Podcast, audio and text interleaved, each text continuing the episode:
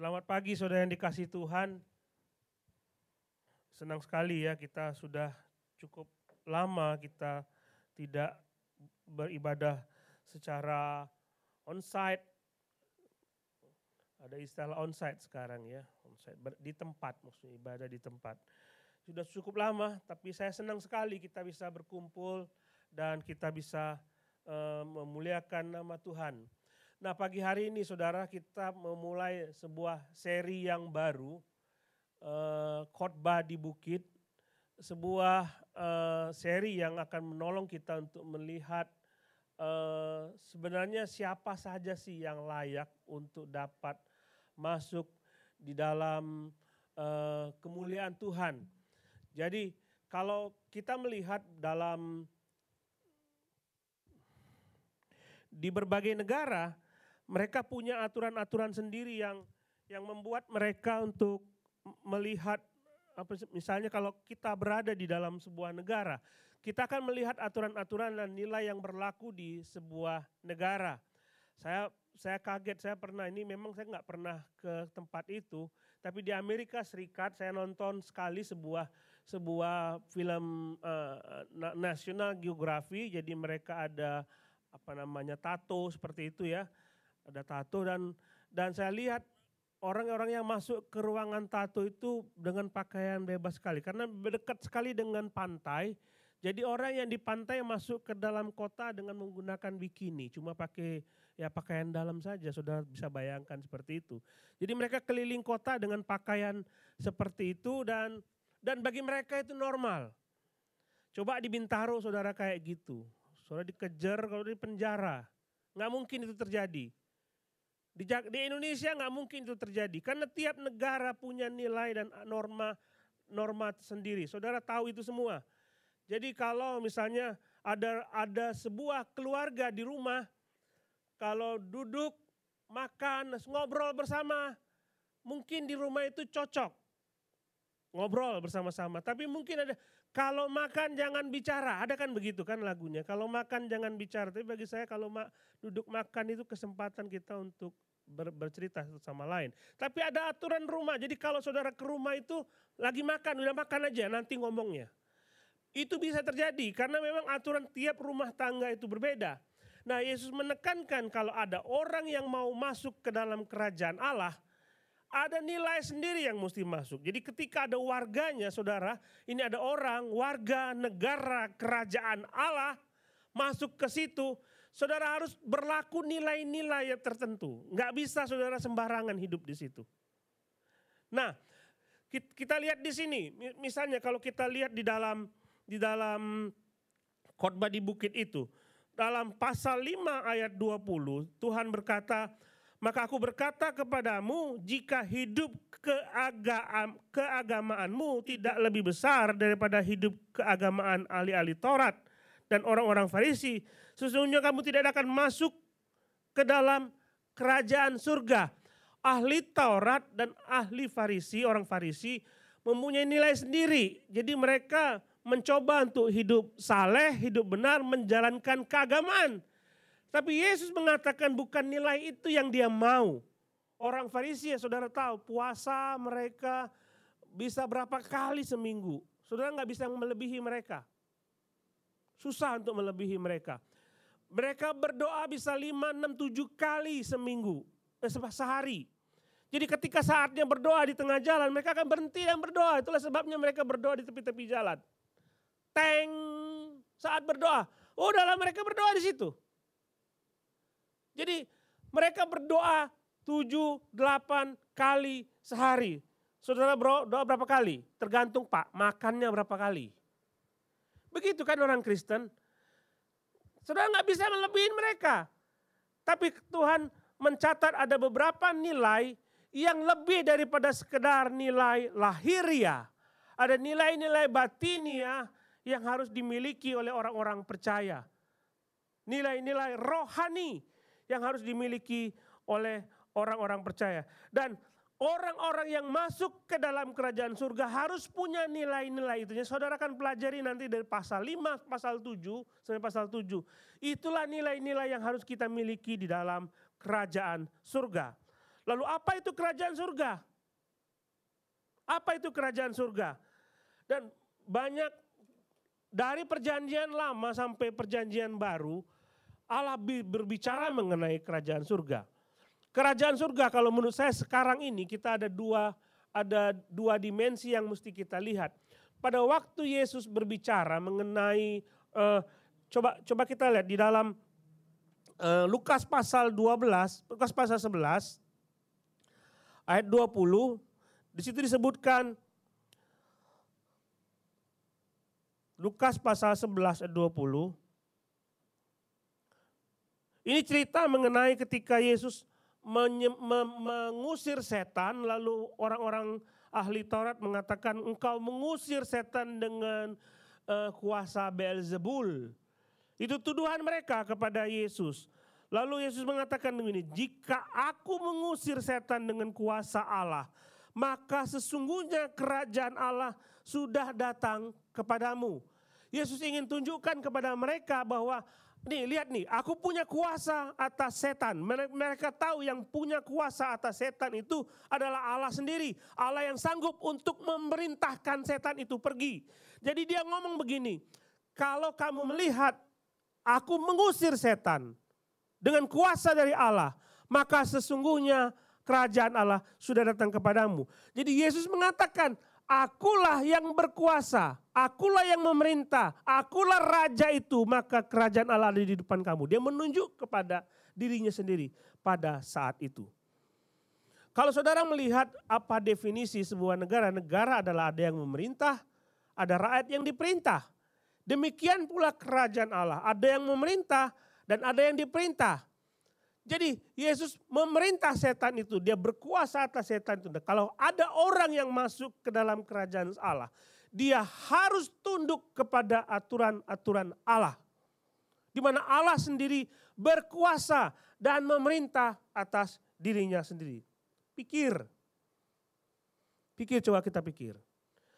Saya yakin bahwa saudara akan mengatakan saudara sudah masuk ke dalam kerajaan Allah. Setuju?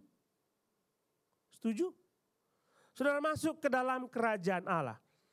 Tetapi apakah Allah memerintah di dalam dirimu?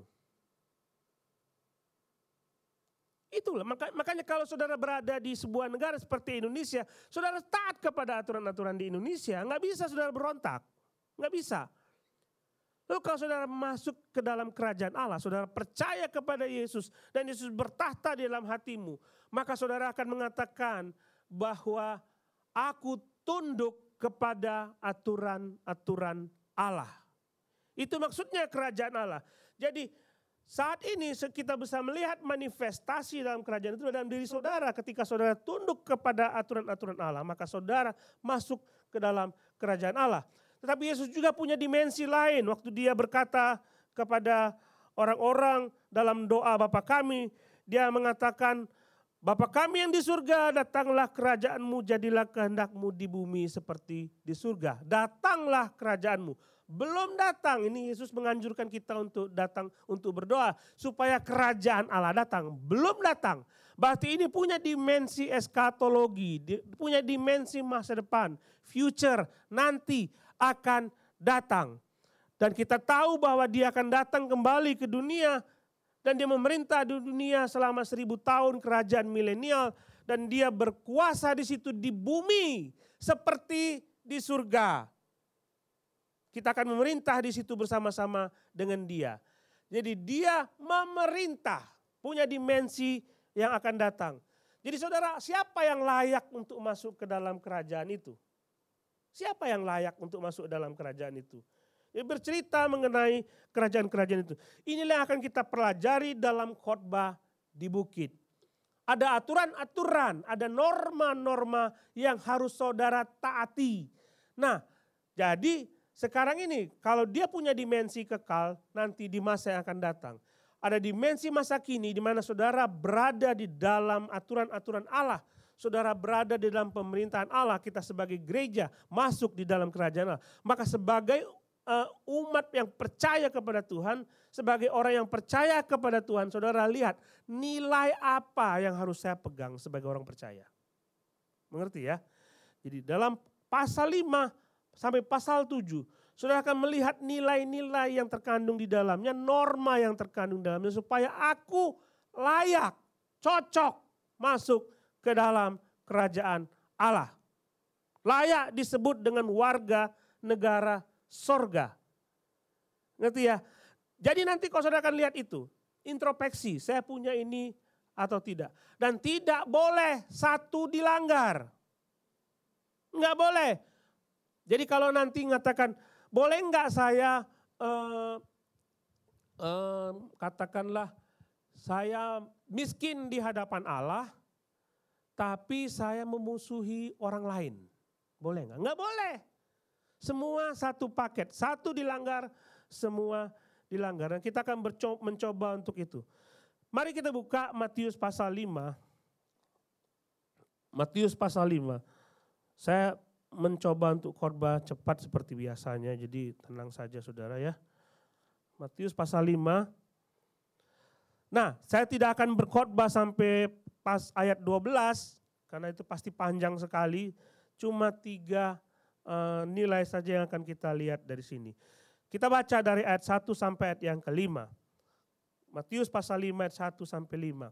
Ketika Yesus melihat orang banyak itu, naiklah ia ke atas bukit dan setelah ia duduk, datanglah murid-muridnya kepadanya. Maka Yesus mulai berbicara dan mengajar mereka. Katanya, berbahagialah orang yang miskin di hadapan Allah karena mereka lah yang mempunyai kerajaan surga. Berbahagialah orang yang berduka cita karena mereka akan dihibur. Berbahagialah orang yang lemah lembut karena mereka akan memiliki bumi. Ada tiga ayat yang akan kita pelajari uh, pagi hari ini untuk melihat nilai-nilai yang Tuhan tuntut ketika orang masuk ke dalam kerajaan Allah. Saudara masuk itu. Nah, kita harus paham dulu arti bahagia. Kita harus paham dulu arti bahagia. Jadi kalau dia mengatakan berbahagialah orang yang miskin di hadapan Allah karena mereka lah yang empunya kerajaan surga. Saudara lihat ya, empunya kerajaan surga, mereka masuk ke dalam kerajaan surga. Jadi ini bukanlah sebuah syarat. Berbahagialah miskin di hadapan Allah itu bukan sebuah syarat supaya saudara masuk ke dalam kerajaan surga. No, sudah tidak tidak bisa mengatakan kalau saya berusaha untuk miskin di hadapan Allah maka saya masuk ke dalam kerajaan surga. Alkitab dengan jelas masuk ke dalam kerajaan surga hanya melalui Yesus. Nah, setelah kita terima Yesus, kita dilahirkan kembali, maka saudara punya power, punya kuasa untuk menerapkan ayat ini untuk supaya saudara miskin di hadapan Allah. Nanti kita lihat apa artinya miskin di hadapan Allah.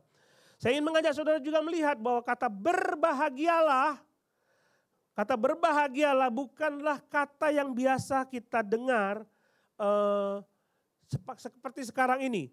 Kata bahagia. Jadi kalau ada orang menikah, lalu di sini turut berbahagia. Gitu kan? Bukan konsep bahagia seperti itu yang Tuhan ajarkan di sini. Berbahagia, kami berbahagia karena engkau sudah menikah, berbahagia karena punya anak, kami turut bahagia. Bukan bahagia itu yang Tuhan maksud. Bahagia ini adalah kata diberkati, diberkati berarti ada limpahan berkat Tuhan bagi kita dan berbahagia itu adalah sesuatu yang muncul dari dalam yang tidak bisa dipengaruhi apa pun yang terjadi di luar. Apa pun yang terjadi di luar. Itulah sebabnya saudara akan ketemu dengan banyak orang-orang yang taat kepada Tuhan dan tidak terpengaruh dengan apa pun yang terjadi di luar. Mereka tetap bahagia karena kebahagiaan itu tidak dilimpahkan dari luar, muncul dari dalam. Muncul dari dalam. Saya bertemu sekali dengan banyak orang yang tidak beruntung seperti kita. Tapi dia tetap bisa mengatakan, Allah sungguh baik dalam hidupku. Allah terlalu baik dalam hidupku. Ada sebuah lagu yang saya senang sekali nyanyikan waktu kami perpisahan dengan gereja di Grogol. Saya menyanyikan lagu itu dikarang oleh seorang bapak dan anaknya sekarang menjadi penyanyi dan dia menuliskan syair-syair yang begitu indah. Uh, thank you Lord for your blessing on me. Terima kasih Tuhan atas berkatmu dalam hidupku. Lalu dia cerita, orang bapak ini punya punya sebuah rumah, bisa dikatakan rumah sebenarnya tidak. Dia sebutkan gubuk, gubuk, lumbung, dan dia tidur di situ. Dan dia lumbungnya itu bocor, bocor di mana-mana kalau hujan, dia kedinginan kalau malam, dan dia harus menabung satu tahun hanya untuk membeli mobil-mobilan plastik buat anaknya. Miskin sekali. Tapi dia bilang, ada atap di atas rumahku, tempat aku berteduh, ada sepatu, dia tunjukkan sepatunya butut, yang bisa kupakai. Ada makanan seadanya. Dan dia mengatakan, thank you Lord for your blessing on me. Cari di Youtube itu lagu itu memberkati sekali. Thank you Lord for your blessing on me. Kisah nyata itu saudara. Jadi kebahagiaan itu tidak bergantung kepada apa yang di sekitar. Ini yang dimaksud oleh Tuhan Yesus. So, kalau saudara berduka cita, saudara tidak berbahagia karena karena keadaan sekitar, saudara harus belajar dari Tuhan bagaimana saudara bisa berbahagia. Mari kita lihat uh, uh, ayat yang ketiga. Berbahagialah orang yang miskin di hadapan Allah karena mereka lah yang mempunyai kerajaan surga. Berbahagialah mereka yang miskin di hadapan Allah. I am poor but very happy. Yesus ingin menekankan bahwa kebahagiaan tidak ditentukan oleh betapa berapa banyak kekayaan jasmani yang saudara miliki. Tidak ditentukan dengan itu. Jadi saudara kita bisa berbahagia sekalipun kita tidak tahu nanti siang mau makan apa. Kita bisa berbahagia sekalipun kita tidak tahu anak kita sekolah bayarnya seperti apa, bagaimana, kita tidak tahu. Tapi kita mengatakan, Tuhan mengatakan, berbahagialah orang yang miskin di hadapan Allah. Lihat ada frase miskin di hadapan Allah. Dia tidak bilang miskin tidak punya uang. Enggak bilang seperti itu. Kalau Tuhan mengatakan berbahagialah engkau miskin karena tabungannya sedikit. Sudah pasti kasih semua orang harta itu, benar enggak? Dia tidak mengatakan demikian. Tapi dia ingin mengatakan miskin di hadapan Allah. Miskin di hadapan Allah artinya saudara tidak bukan miskin secara jasmani. Bukan karena tidak punya uang. Tidak. Tuhan tidak melarang saudara punya banyak uang. Yang Tuhan ingin adalah begitu berhadapan dengan Allah, saudara miskin. Saudara miskin. Ada dua kata miskin yang dipakai dalam bahasa Yunani yang pertama adalah penikros. Kata penikros adalah sebuah kata yang digunakan untuk memiliki tidak banyak memiliki sesuatu tapi punya. Contohnya janda miskin dia masuk ke bait Allah lalu memberikan dua peser uang untuk dipersembahkan kepada Tuhan, kepada bait Allah itu. Dia disebut janda miskin janda miskin, tapi dia punya dua peser uang untuk dipersembahkan kepada Allah. Miskin, tetapi masih ada uang. Itu penny cross. Jadi jadi miskin seperti itu. Lalu ada kata miskin berikutnya adalah kata tokos. Kata petokos ini untuk menjelaskan Lazarus yang mengemis. Kata mengemis ketika Lazarus uh, uh, baring tinggal di depan rumah orang kaya itu, dia mengemis. Dia berharap ada remah-remah yang jatuh dari meja itu dan bisa makan. Nah kata petokos inilah yang disebut dengan berbahagialah engkau yang miskin di hadapan Allah. Mengemis. Bayangkan Lazarus. Dia tidak punya sumber daya apa pun. Kalau janda tadi punya dua peser, Dan pasti dia punya usaha lagi, dia bisa dapat uang. Lazarus sama sekali tidak punya apa-apa. Sama sekali nggak punya apa-apa. Dan kita melihat dalam firman Tuhan, dia tinggal dan berbaring di depan pintu rumah orang kaya itu. Dan lihat, mereka lagi makan. Makan, jatuh. Dia masuk, merangkak, ambil yang jatuh. Dan dia dia makan. Miskin kayak gitu. Dia berharap kepada orang kaya itu supaya memberi dia sesuatu untuk dimakan. Allah ingin menekankan kepada kita bahwa kita tidak punya apa-apa. Jangan pernah saudara mengatakan semua bisa saya persembahkan. Ada sesuatu yang bisa saya persembahkan kepada Tuhan supaya Tuhan impress, terkesan dengan apa yang kita lakukan. Tidak bisa kayak gitu. Miskin seperti Lazarus, tidak ada sesuatu yang bisa kita persembahkan kepada Tuhan supaya bisa membuat dia terkesan dengan apa yang kita lakukan. Enggak ada. Tidak ada yang bisa saudara banggakan kepada Tuhan. Termasuk saudara punya talenta, saudara punya karunia rohani yang begitu besar, apa pun itu termasuk uang yang begitu banyak yang bisa saudara persembahkan ke gereja, saudara memberikan kepada orang-orang miskin, saudara memberikan kepada orang-orang yang yang dalam, dalam keadaan bencana, saudara memberikan seluruh harta pun Tuhan tidak pernah terkesan dengan itu. Dia terkesan kalau kita semua merasa tidak punya apa-apa di hadapan dia. Itu maksudnya. Kata miskin di situ adalah orang yang tidak punya apa-apa untuk dibanggakan kepada Tuhan. Coba coba pikir gini ya. Kalau ada orang yang mengatakan Tuhan terimalah aku sebagai anakmu, terimalah aku masuk ke dalam kerajaan surga, terimalah aku di surga dan aku inilah yang kulakukan Tuhan, perbuatan-perbuatan baikku yang kuberikan kepada Tuhan. Tunjuklah, lihatlah, lihatlah. Kadang-kadang kita berpikir seperti itu, Tuhan terkesan dengan perbuatan baik. No. Kadang-kadang kita berpikir juga bahwa orang Allah mau menyelamatkan dia karena dia baik. Allah tidak terkesan. Ya saya mengatakan semua kesalahan kita seperti kain kotor. Orang saleh, sesaleh apa pun seperti kain kotor. Udah nggak bisa dipakai lagi kecuali dibuang. Jadi Jangan pernah membanggakan diri di hadapan Tuhan. Karena Tuhan menganggap bahwa kita tidak punya apa-apa. Saudara harus bergantung sepenuhnya kepada Tuhan.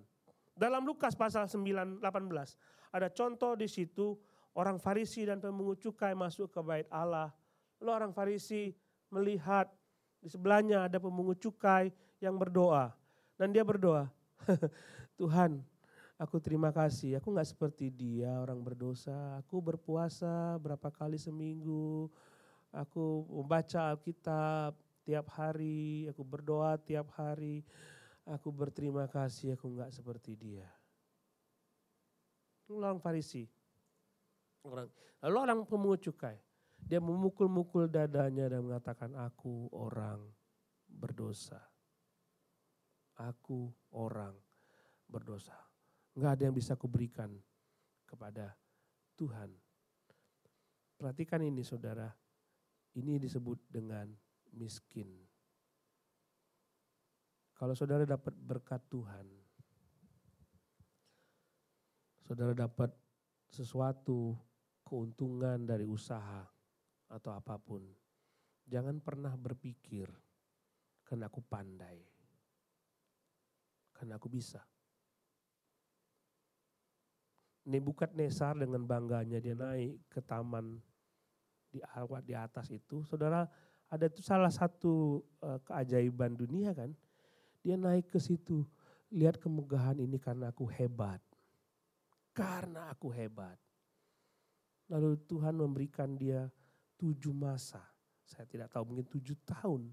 Gila di padang gurun. Makan rumput, makan tanah, gila diturunkan. Lalu tadi pagi, tadi pagi saya uh, membaca tentang Belsazar, eh Beltasar, oh, Daniel pasal yang ke lima kalau nggak salah. Dia dia mengadakan pesta lalu mengeluarkan bait apa namanya cangkir gelas cawan yang dari emas dari bait Allah yang direbut oleh Nebukadnezar dia taruh di situ dan dia pesta dia mengejek-ngejek Tuhan dia mengatakan dewaku hebat sekali semua karena dewaku bukan karena Allah muarah Tuhan kan lalu ada tulisan di dinding mene mene tekel ufarsin Daniel menjelaskan malam ini juga yang tuanku banggakan akan diambil. Malam itu dia dibunuh. Untuk apa itu semua? Allah berkuasa untuk mengambil alih apa yang kita banggakan. Enggak ada yang bisa dibanggakan. Allah berkuasa. Dia mengasihi saudara. Dia mengasihi saudara dan dia ingin supaya saudara taat dengan nilai ini dan dia akan lakukan apa pun supaya saudara tidak bangga dengan apa yang saudara miliki. Saya menjadi kesaksian dari saya sepribadi. Ketika saya punya banyak uang, saya bangga bahwa saya bisa, saya bersyukur sekali. Tapi dalam sekejap mata Tuhan bisa ambil. Dan berapa kali saya ketemu dengan orang, kamu bangga bahwa kamu bisa mengatur itu semua aku akan ambil semua.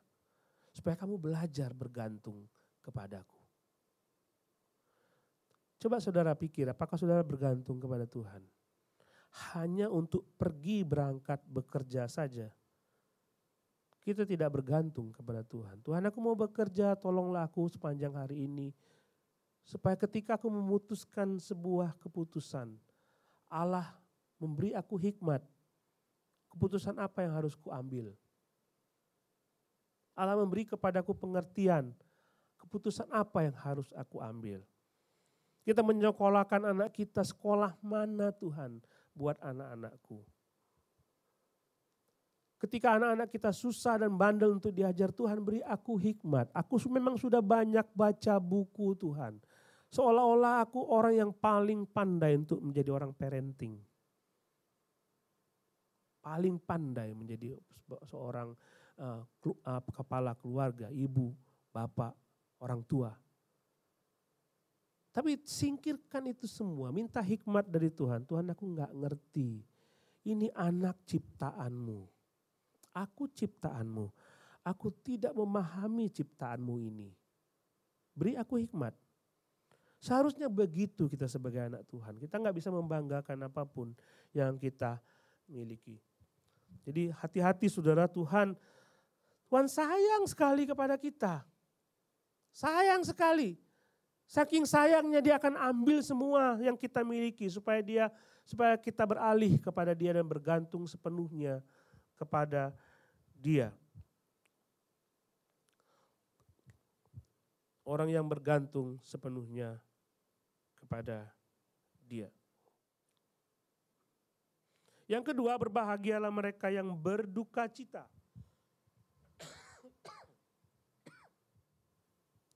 Berbahagialah mereka yang berduka cita, karena mereka akan dihibur.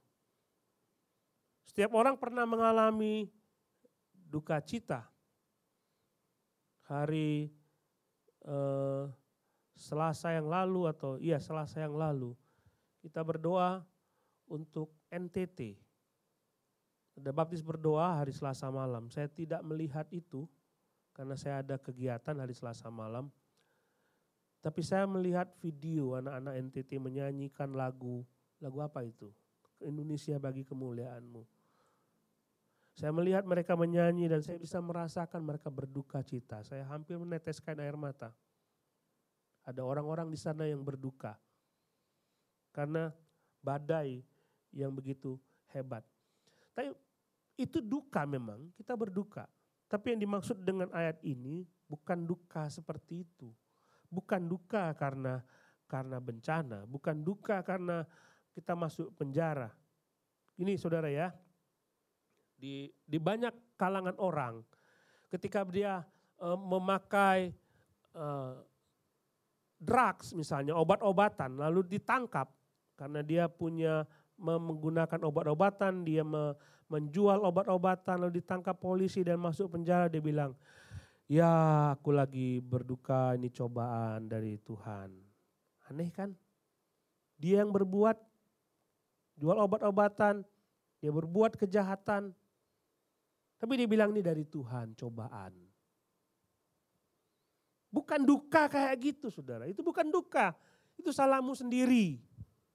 Jadi kalau saudara mencuri, ditangkap, masuk penjara, ya cobaan dari Tuhan itu nyalain Tuhan, nuduh Tuhan. Seolah-olah Tuhan menggerakkan saudara untuk mencuri lalu saudara masuk penjara. Bukan, bukan duka itu yang dimaksud oleh Tuhan. Duka seperti itu adalah duka karena dosa. Lihat tadi orang Farisi ketika masuk ke dalam bait Allah di sebelahnya ada pemungut cukai pemungut cukai menangis di hadapan Allah. Ampunilah aku karena aku orang berdosa.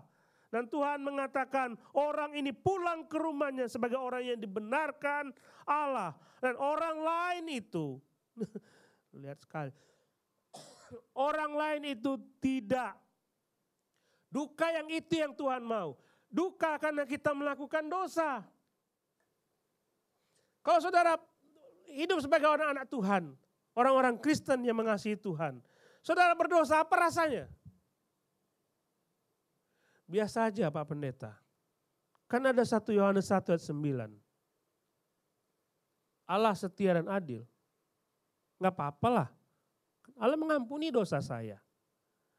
Enteng sekali. Itu nggak ada duka namanya, itu bukan anak Tuhan. Anak Tuhan adalah ketika dia berdosa, dia menangis di hadapan Tuhan. Aku jijik Tuhan dengan diriku sendiri. Aku berdosa dengan diriku sendiri. Coba pikir saudara, tiap hari kita melakukan dosa kepada Tuhan. Tapi apa, apa rasanya? Biasa saja. Or happy. Orang lain juga melakukan itu. Kenapa aku nggak bisa? Orang lain melakukan itu dan happy. Kenapa aku nggak bisa? Tuhan mengatakan orang ini tidak akan dihub, tidak akan dihibur. Orang ini malah akan dimarahi dan akan mendapatkan duka cita yang yang dari Tuhan. Tidak akan pernah dihibur oleh Tuhan dan tidak akan pernah layak masuk ke dalam kerajaan surga. Karena nilainya hidupnya berbeda. Saya pernah cerita begini ya, coba coba saudara pikir deh ya, kalau misalnya kita malam-malam sebelum tidur, renungkan kembali seberapa sering kita membuat dia berduka cita karena dosa-dosa kita. Renungkan kembali, hari ini aku sudah melakukan apa ya Tuhan ya, membuat engkau berduka. Renungkan kembali itu. Renungkan kembali. Dan katakan kepada Tuhan, ampuni aku Tuhan, ampuni aku ampuni aku. Orang seperti ini akan dihibur oleh Tuhan. Lihatlah orang pemungut cukai itu. Orang yang mengatakan pukul, dia memukul dia karena dia punya banyak salah. Aku tidak layak Tuhan, aku berdosa. Aku gak seperti orang Farisi yang begitu baik. Aku berdosa, aku tidak layak. Dia tidak berani lihat ke atas, dia lihat ke bawah. Aku berdosa Tuhan, gak berani dia. Dan Tuhan mengatakan orang inilah yang dibenarkan, dia akan dihibur. Saudara mau dihibur oleh Tuhan. Tuhan sendiri yang menepuk bau saudara anakku. Dia memberikan sukacita. Enak sekali saudara seperti itu. Enak. Bukan pendeta yang memberi penghiburan kepada saudara. Bukan teman. Tapi Tuhan sendiri yang datang anakku. Kuatkan hatimu saya terenyuh ketika Rasul Paulus berada dalam penjara, setia di dalam melayani Tuhan, dia menangisi dosa orang Israel. Dia rela mati terkutuk demi orang Israel karena dosa-dosa mereka. Tapi dia menderita, dia masuk penjara. Tapi ketika dia masuk penjara, dia bertemu dengan Tuhan. Dan mengatakan, Saulus, Paulus, masuklah ke Roma, masuklah ke Yerusalem. Jangan takut, aku menyertaimu. Dan engkau juga akan pergi ke Roma. Wah Tuhan sendiri yang datang menghibur. Percayalah, dia sendiri yang datang kepada saudara secara pribadi memberikan penghiburan itu. Jadi, tapi saudara menangisi dosa. Dosa kita harus ditangisi. Dan juga menangisi dosa orang lain. Sama seperti ketika Yesus berkata dalam Matius pasal 23, dia dia melihat dia dari dia melihat Yerusalem dan dia dia duduk dan menangis, Yerusalem, Yerusalem, aku rindu sekali bersama dengan engkau. Aku rindu sekali seperti seekor induk ayam mengumpulkan anak-anaknya. Aku ingin melindungi engkau. Aku ingin bersama-sama dengan engkau. Dan dia menangis di Yerusalem yang menolak Tuhan. Sikap seperti itu yang harus dimiliki oleh anak-anak Tuhan waktu kita melihat teman kita, kita melihat lingkungan kita, ada orang-orang yang tidak percaya kepada Tuhan dan mereka melakukan dosa.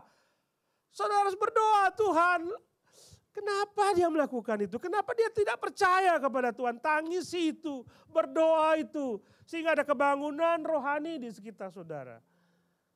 Tuhan mau saudara seperti itu. Bukan membiarkan teman kita yang tidak percaya kepada Yesus, ya syukurlah lo mati di sana. Atau keluarga kita yang tidak percaya kepada Tuhan Yesus.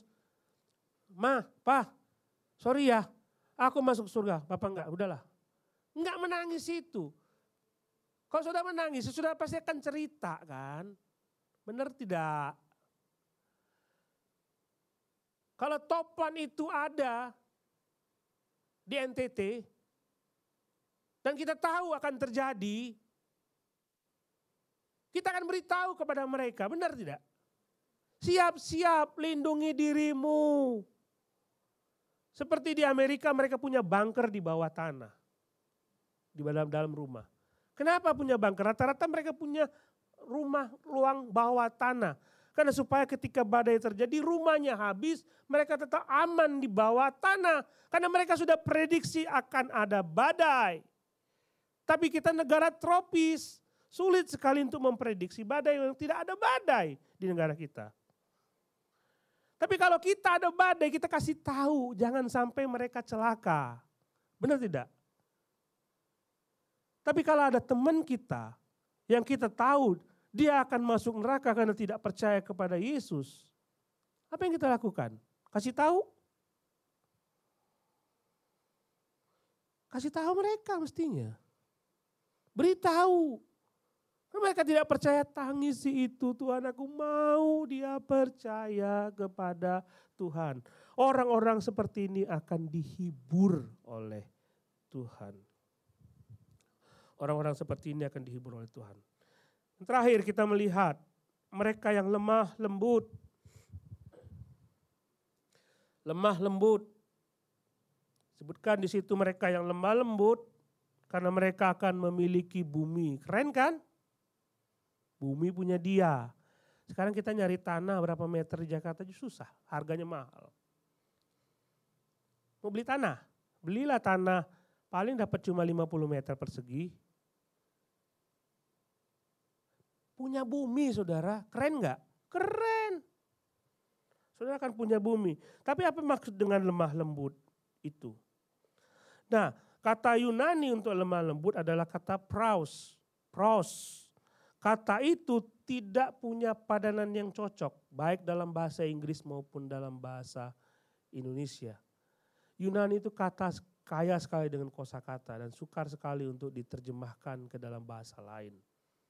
Contohnya saudara paling tahu kan kata kasih, kita cuma punya kasih, mereka punya empat kata kasih dan artinya berbeda-beda. Tapi ini praus ini tidak tidak tidak punya padanan yang cocok baik bahasa Inggris ataupun bahasa Indonesia. Coba kalau kita lihat, saya mencoba untuk mencari uh, padanannya di dalam bahasa Indonesia. Apakah arti lemah lembut? Lemah lembut artinya baik hati. Oke? Lemah lembut itu baik hati, tidak pemarah, tapi peramah. Sudah ketemu dengan orang-orang kayak gini di, di Indonesia apa di mana ada ketemu dengan orang seperti ini? Ada banyak sekali orang yang baik hati. Ada banyak sekali orang yang baik hati. Baik mereka percaya kepada Kristus maupun yang tidak percaya kepada Kristus. Tapi Paus ini uh, punya maksud ketika gini loh, Pasti digunakan untuk ketika mereka menangkap kuda liar, menangkap apa namanya binatang-binatang liar kuda misalnya ditangkap kan liar tuh dinaikin nggak bisa nggak bisa dinaikin lalu ditangkap lalu dijinakkan setelah dijinakkan dia bisa digunakan sesuai dengan keinginan kita benar kan Gampang sekali kuda lihat saudara orang yang, yang gemahir naik kuda. Belok kiri, belok kanan, jalan, maju, gampang sekali. Hanya pakai tali kekang aja. Gampang sekali. Coba waktu mereka liar, mereka tidak bisa digunakan. Kata praus inilah yang digunakan oleh Tuhan. Hendaklah kamu seperti itu. Tadinya kamu liar. Enggak bisa diatur. Sekarang kamu bisa diatur. Gitu. Kita kan dulu kan begitu, memberontak kepada hal tidak bisa diatur. Tapi sekarang bisa diatur. Ingin tahu apa keinginan tuannya, lemah lembut. Lemah lembut. Kalau bisa saya katakan ini artinya orang yang bisa menguasai dirinya sendiri. Self control. Lemah lembut. Jadi artinya nanti akan berdampak begini. Kalau saudara bertemu dengan orang yang marah kepada saudara. Saudara akan melihat dulu kalau ada reaksi seperti itu, kalau ada aksi seperti itu, orang lain marah kepadaku. Maka reaksiku marah, seperti kuda liar tadi. Tapi ketika aku memiliki sifat lemah lembut ini, ada aksi orang lain yang marah kepadaku, mencaci maki aku, membuat sesuatu yang tidak enak kepadaku, menghakimi aku, maka sikapku adalah sekarang tidak seperti itu lagi. Aku jinak, aku bisa menguasai diriku sendiri. Nah kalau penerapannya apa di dalam gereja kita? Sudah kita nggak mungkin mengharapkan semua orang, semua orang, baik di gereja, di kantor, apa pun di mana pun saudara berada. Saudara tidak mungkin mengharapkan semua orang itu uh, tunduk kepada keinginan saudara, nggak mungkin. Saya mau begini, kamu harus lakukan seperti yang aku mau. Nggak mungkin. Dan kalau sudah seperti itu, pasti saudara akan tersinggung dengan apa yang dia katakan, apa kelakuan dia. Saudara pasti tersinggung. Dia ngomong apa pun, saudara pasti tersinggung. Bahkan kalau dia berbuat sesuatu yang gak enak, saudara pasti tersinggung. Pasti itu. Tapi kata Proust ini, self control. Oh dia melakukan itu kepadaku, aku sakit hati. Tapi aku punya respon yang baik karena aku punya lemah lembut. Aku tidak akan mencaci maki dia. Aku tidak akan memusuhi dia. Dan aku membiarkan penghakiman itu dari Allah. Bukan dari aku. Biar Allah yang menilai. Apakah aku yang benar atau dia yang benar. Harusnya seperti itu. Harusnya seperti itu. Self control. Saudara harus punya sikap untuk menahan diri untuk menahan diri. Contohnya saudara, kalau kalau eh, Yesus mengatakan dia dalam Filipi, dia dia rendah hati, tidak menganggap kestaraannya dengan Allah itu sebagai milik yang dipertahankan. Kalau maksudnya begini, kadang-kadang kita melihat kamu berbuat gitu, kamu nggak tahu siapa aku. Kita membanggakan diri kita. Tetapi Tuhan mengatakan, coba lihat siapa Tuhan. Siapa itu Yesus? Dia punya tahta di surga, dia punya segala sesuatu di surga, yang mengatakan aku Allah, aku punya kuasa atas dirimu. Aku punya kuasa atas dirimu, aku bisa saja membiarkan engkau mati dan masuk neraka. Tapi dia mengatakan, oh no, no, no, no, no. Aku akan merendahkan diriku, aku akan menyamakan diriku dengan engkau sama seperti manusia. Aku akan mati, disiksa, disalib hanya bagi engkau. Sikap seperti itu yang harus kita teladani dari Yesus. Kalau kita tersinggung dengan teman kita, siapa pun dia. Kita akan mengatakan, aku bukan siapa-siapa Tuhan. Aku orang berdosa, aku tidak layak menghakimi dia. Aku mau supaya hidupku uh, sesuai dengan apa yang engkau mau, self control diriku bagi Tuhan. Sikap seperti itu yang harus kita miliki. Nah hari ini kita udah pelajari miskin di hadapan Allah kita berduka cita. Lalu kita punya hati yang lemah lembut. Sikap seperti itu yang harus kita miliki ketika kita masuk ke dalam kerajaan surga.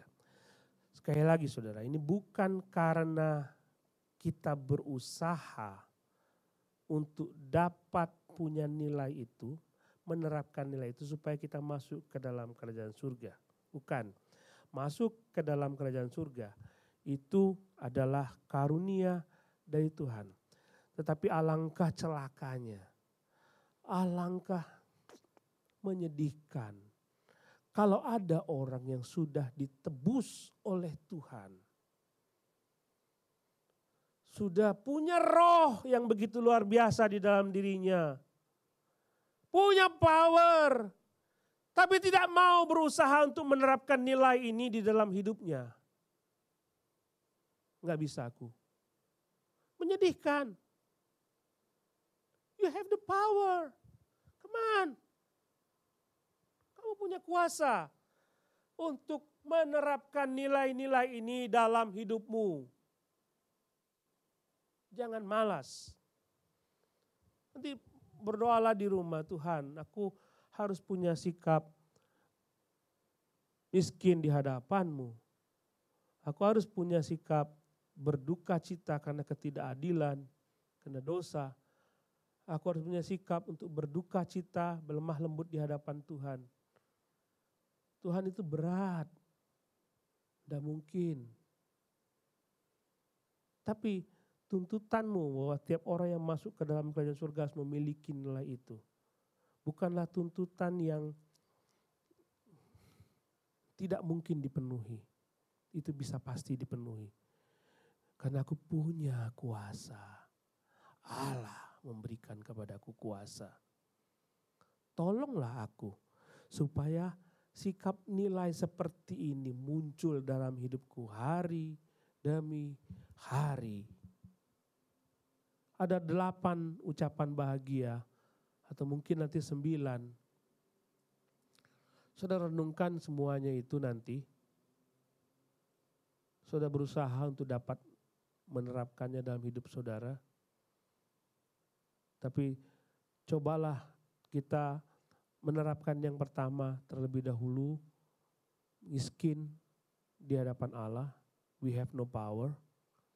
Kalau kita bisa menerapkan itu semua itu bukan karena kuat kita tapi karena dia yang memberikan kekuatan kepada kita. Berjuang, berjuang saudara. Jangan menyerah sebelum memulai. Mari kita berdoa.